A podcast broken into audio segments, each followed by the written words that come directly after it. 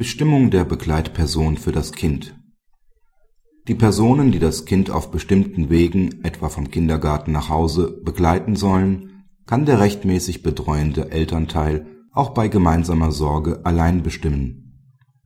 Die Eltern üben die gemeinsame Sorge für ihre minderjährige Tochter aus. Diese lebt rechtmäßig bei der Mutter. Die Eltern streiten, ob die Mutter eigenverantwortlich entscheiden darf, wer die Tochter vom Kindergarten, Hort etc. abholen darf der Vater befürchtet, bei einer Alleinbefugnis der Mutter in seinem Umgangsrecht beschnitten zu werden. Wie auch das AG sieht das OLG die Bestimmung der Begleitperson, die ein Kind vom Kindergarten, Hort oder der Schule abholt, als Angelegenheit des täglichen Lebens, die allein in die Entscheidungskompetenz des betreuenden Elternteils gemäß § 1687 Absatz 1 Satz 2 BGB fällt zu definieren sind solche Angelegenheiten als regelmäßig auftretende Situationen, in denen zwar eine Elternentscheidung getroffen werden muss, diese aber leicht und vor allem ohne Einfluss auf die Kindesbelange wieder geändert werden kann.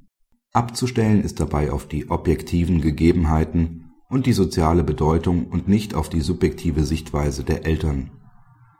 Von § 1687 Absatz 1 Satz 2 BGB Umfasst sind auch die Entscheidungen über die Teilnahme an Tagesausflügen und Klassenreisen, den Umgang mit Freunden, Urlaube und die Freizeitgestaltung des Kindes.